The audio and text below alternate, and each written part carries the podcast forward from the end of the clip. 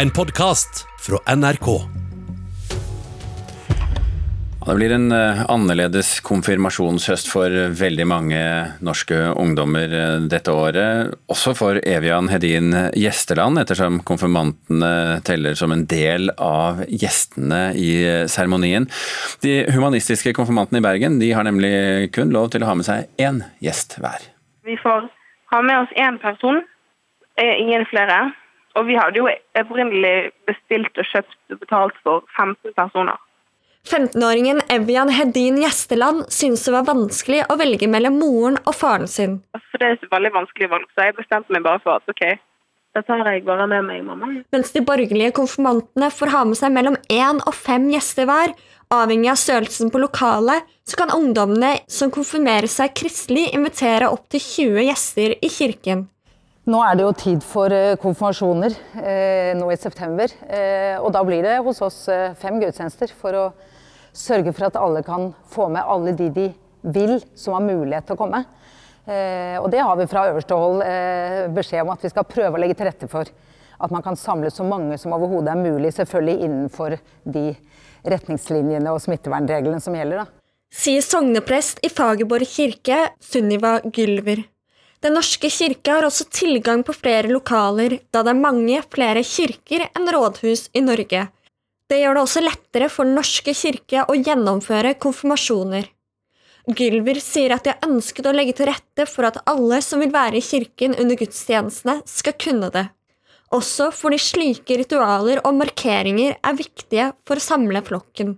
Jeg opplever nok at det er utrolig viktig for folk, og kanskje enda mer også i, i Oslo eller i store byer hvor mange er inn- og utflytta, eh, å kunne samle flest mulig av slekt og familie og slekt. At det kanskje er akkurat da man møtes, og at det gjerne skal være ikke bare for begravelser. Siden det er strengt med hvor mange man kan invitere til selve seremonien i år, har Human-Etisk Forbund valgt å leie inn et profesjonelt filmteam som strømmer konfirmasjonene. Evian syns det i hvert fall er én positiv ting ved koronaen. Så nå får jo alle som vil, får jo muligheten til å se på. Så jeg tror i hvert fall, jeg har jo en morfar som er 89 år gammel nå. Han var jo invitert, men han kunne jo ikke komme fordi han var ikke i stand til å reise. og sånn. Men nå kan jo han se på det hjemmefra.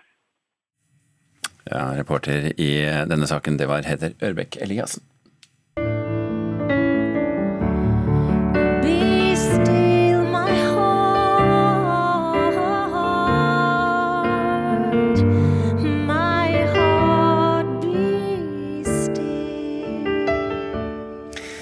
Dette er artist Silje Nergård. Hun er en del av Norges første digitale jazzfestival, som starter i dag. Dette er en serie konserter med kjente artister. Ved siden av Nergård spiller Nils Petter Molvær og Bendik Hofseth bl.a. Og denne festivalen den går ut internasjonalt. USA, Japan, Danmark og Sør-Korea er blant landene som gjerne vil tilby norsk eh, jazzfestival. Og så er det ikke gratis, dette må publikum betale for. Konsertarrangør Christer Falk, eh, det er du som står bak dette prosjektet. Eh, hva slags festival er dette her? Det er en videreføring av det vi holdt på med på Sentralen i Oslo nå i, i vår og sommer, som heter Koronerulling-serien. og Det var altså gratiskonserter som vi da tilbød norske folk under koronakrisa, hvor eh, folk kunne donere penger.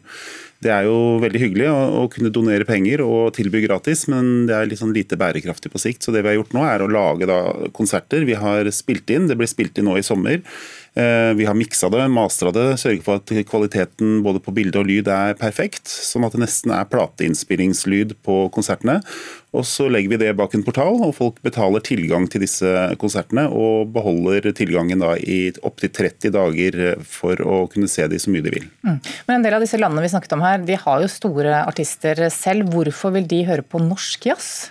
Altså, Norsk jazz er vel kanskje den største musikkeksportartikkelen i tillegg til tropisk house og svartmetall. Eh, norsk jazz har en helt ekstrem, fantastisk standing i eh, hele verden. Og vi har også plukka ut 15 artister som har en stor standing i enkelte territorier. Noen er store i Japan, noen er store i USA, noen er store i Europa. Og noen er store overalt, selvfølgelig, sånn som type Arild Andersen, som er jo en verdensskikkelse innen jazzen. Men så vil vi da at eh, det skal være også sånn for å promotere nordmenn i andre land. Altså De som ikke er store i Japan, de får drahjelp av disse som er store der, osv. Så, videre. så det her er jo en sånn egentlig en veldig sånn eksportvennlig pakke, hvor veldig mange drar nytte av eh, hverandre. Mm. Disse digitale konsertene har vi jo sett mange av det siste halve året. Hva skjer i det øyeblikket publikum kan gå tilbake på konsert og være sammen der? Jeg tror For det første så er det lenge til, så det har jeg ikke tenkt så mye på. Men eh, jeg tror også at uh, strømmekonserter er kommet for å bli. Jeg tror at uh, det vil være et supplement til uh, store konserter. F.eks. hvis det er utsolgt på Spektrum med en eller annen stor artist, så er det allikevel sikkert mulig å selge titusener av billetter til fans som da ikke får tak i billett. og Da er det jo greit med sånn type lavterskeltilbud for folk som kanskje ikke har lyst til å reise fra Finnmark til Oslo Spektrum for å se på konsert, og kanskje slippe unna med en hundrings eller noe sånt og se konserten på TV-en sin istedenfor. Men du tror de vil betale? Ja, jeg er helt sikker på at folk vil betale. Eller det vet jeg ikke, for vi, vi legger ut billettene om 30 minutter, så da finner jeg ut om noe av dette her stemmer. Det koster 99 kroner for å se én konsert, eller så koster det 499, og da får du tilgang til alle 15 konsertene. Jeg anbefaler det siste. Det kan kjøpes på sentralen.no. Eh, musikerne da, de er vant til å få, få respons. Her spiller du jo i, i tomme rom. Hva gjør det med disse konsertene? Det gjør veldig mye forskjellig. Noen har bare sagt vi er jo vår egen boble når vi spiller uansett, vi merker ikke publikum. Noen er jo mer avhengig av publikum enn andre. Så det er rart. Det er så gøy å se liksom store verdensstjerner som står og blir litt sånn keitete mellom første og andre sang, fordi de får ikke noe respons. Folk som spiller soloer, da er de vant til at folk klapper midt i sangene. Det er ingenting som skjer. Men uh, det er en sånn kombinasjon at det her er veldig spillekåte folk som ikke har uh, spilt på opptil tre måneder. Nesten alle artistene som spiller der, spiller sin første første konsert på tre måneder. Så det er et eller annet med sånn energi som er helt elektrisk å ta og følge på. Så det, jeg syns folk har klart det veldig, veldig bra. Ok, Lykke til, da. Tusen takk. Konsertarrangør Christer Falk. I don't see the problem. I got you, the journal. I helped you decode it. Because of me, you know how to kill your sister, Batwoman.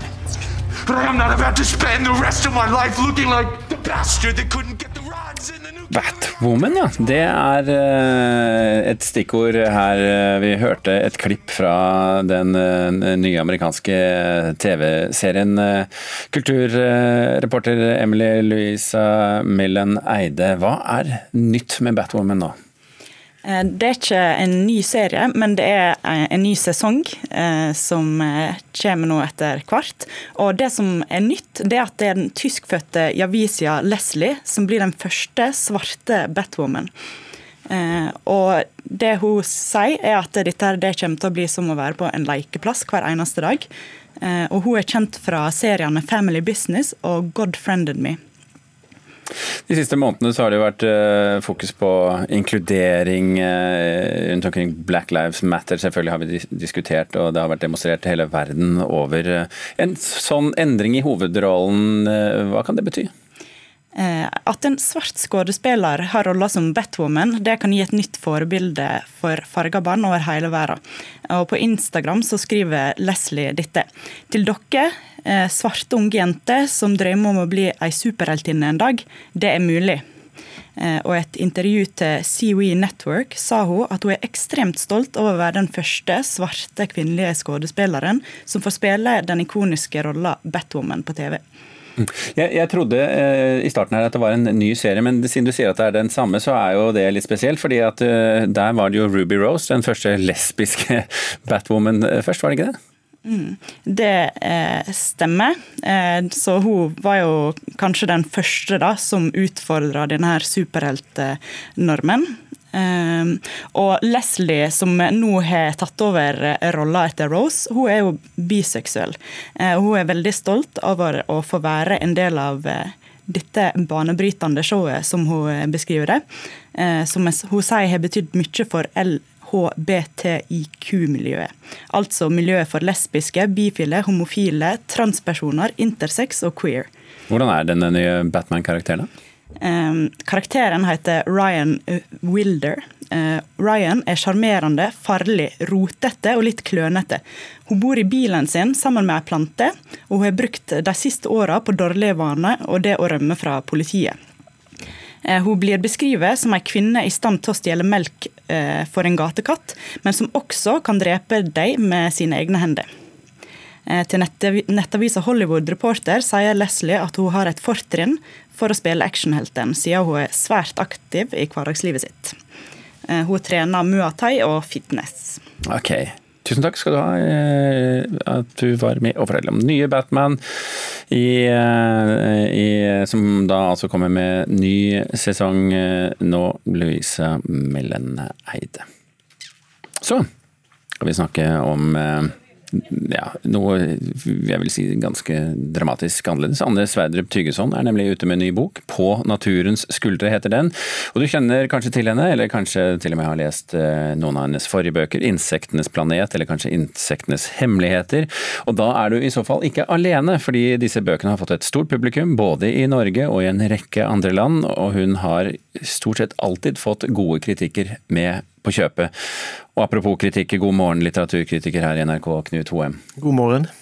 Jeg måtte nesten smile da jeg leste den opprinnelige tittelen på anmeldelsen din av denne boken, for den lyder oi, oi, oi.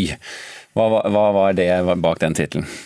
De oiene de representerer den overraskelsen jeg følte når Anne Sverdrup Tygeson var i stand til å ta et fagfelt som i utgangspunkt ligger med fjernt, nemlig artsmangfold, og rykke det inn i en verden som jeg kjenner mer til, nemlig kultur. Eh, Tygeson eh, stiller jo opp eh, de ti millioner artene som et slags superheltlag av eh, organismer som er i stand til å hjelpe oss å redde planeten. For riktignok er vi som mennesker eh, en ganske kreativ art, men det er jammen meg en del av de andre artene der ute også. Hvordan vil du beskrive denne boken på naturens skuldre? Nei, Det er en bok som eh, da altså viser hvordan disse her organismene renser naturen. Og du ser f.eks.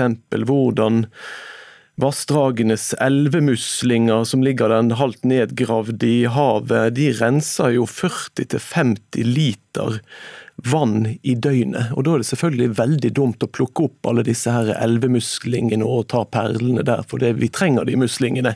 Eller hva med mangrovetrærne som vokser langs kysten av Asia, som stopper tsunami mer effektivt enn noe eh, molosystem vi er i stand til å bygge. Og Sånn viser eh, Sverdrup Tygeson eh, eh, i denne boken at dette her med å redde planeten, det er faktisk et kollektivt ansvar der de merkeligste små maneter kan spille en rolle. Du, du, du er jo ofte her hos oss og, og skriver eh, og, unnskyld, og snakker eh, om samtidslitteratur, Knut. Eh, hvilke litterære kvaliteter har denne boken? Ja, Det er jo den største overraskelsen her. At eh, Sverdrup Tygeson bruker så mye kulturelle eksempler for å skjønne naturen. Altså Et eksempel er myrer og årringer som lagrer kunnskap om, eh, om eh, hvordan eh, naturens historikk er. Det sammenligner han f.eks. med Riksarkivets oppbevaring av dokumenter ved Sognsvann i, i, Oslo. Hele tiden så trekker hun dette inn i eh, kultur, kultursfæren. Altså, du har f.eks. også den magerugende frosken som spytter ut rumpetroll med kjeften. Den eh, sammenligner hun med Jan Eggums sang 'Mor jeg vil' tilbake. Og Dette er jo stilistisk stilistiske grep, eh, selvfølgelig, men det skaper liv og røre i teksten.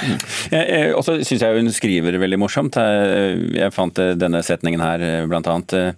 Et kadaver fungerer som en pop-up-restaurant for åtseletere og nedbryter en øy av overflod av tilgjengelig næring i et begrenset tidsrom. Er du enig i at hun er morsom også? Ja, det er vel en eller annen form for sånn god gammeldags allmenndannelse som Sverdrup Tygeson driver med her. Eh, når hun eh, har dette her brede, denne brede orienteringen når hun skal formidle stoffet sitt. Jeg syns også det er veldig morsomt når hun skriver sånt som at eh, når det gjelder forplantning, så har vi og planter litt ulikt utgangspunkt, fordi plantene er tjoret fast i jorden, mens vi kan jo løpe rundt. så Derfor så må jo liksom pollineringen og de her biene og fluene må jo komme til plantene, for de står der tjoret fast i jorden. Eh, så, så alt, alt, i alt så er dette her en veldig, veldig, veldig språklig sprek og spenstig tekst. Sikkert også preget av at Tygeson driver mye med muntlig foredragsvirksomhet. Eh, hun bruker, eh, har kanskje et lett overforbruk av pronomene du, men det, det tåler jeg. Og så er det et alvor over det hele, tross at det er godt skrevet og morsomt og gøyalt å lese. Ja, og det, det, alvoret handler jo om at disse artene som vi trenger, disse ti millioner artene, noen av de er jo selvfølgelig truet og, og forsvinner, og vi må jo legge eh, rammevilkårene til rette for at ikke de gjør det. Eh, men, eh, men det, det, det, det, er ingen dystopi, dette her. Dette er en bok med en veldig positiv grunntone. Mm. Du har hørt en podkast fra NRK. Hør flere podkaster og din NRK-kanal i appen NRK Radio.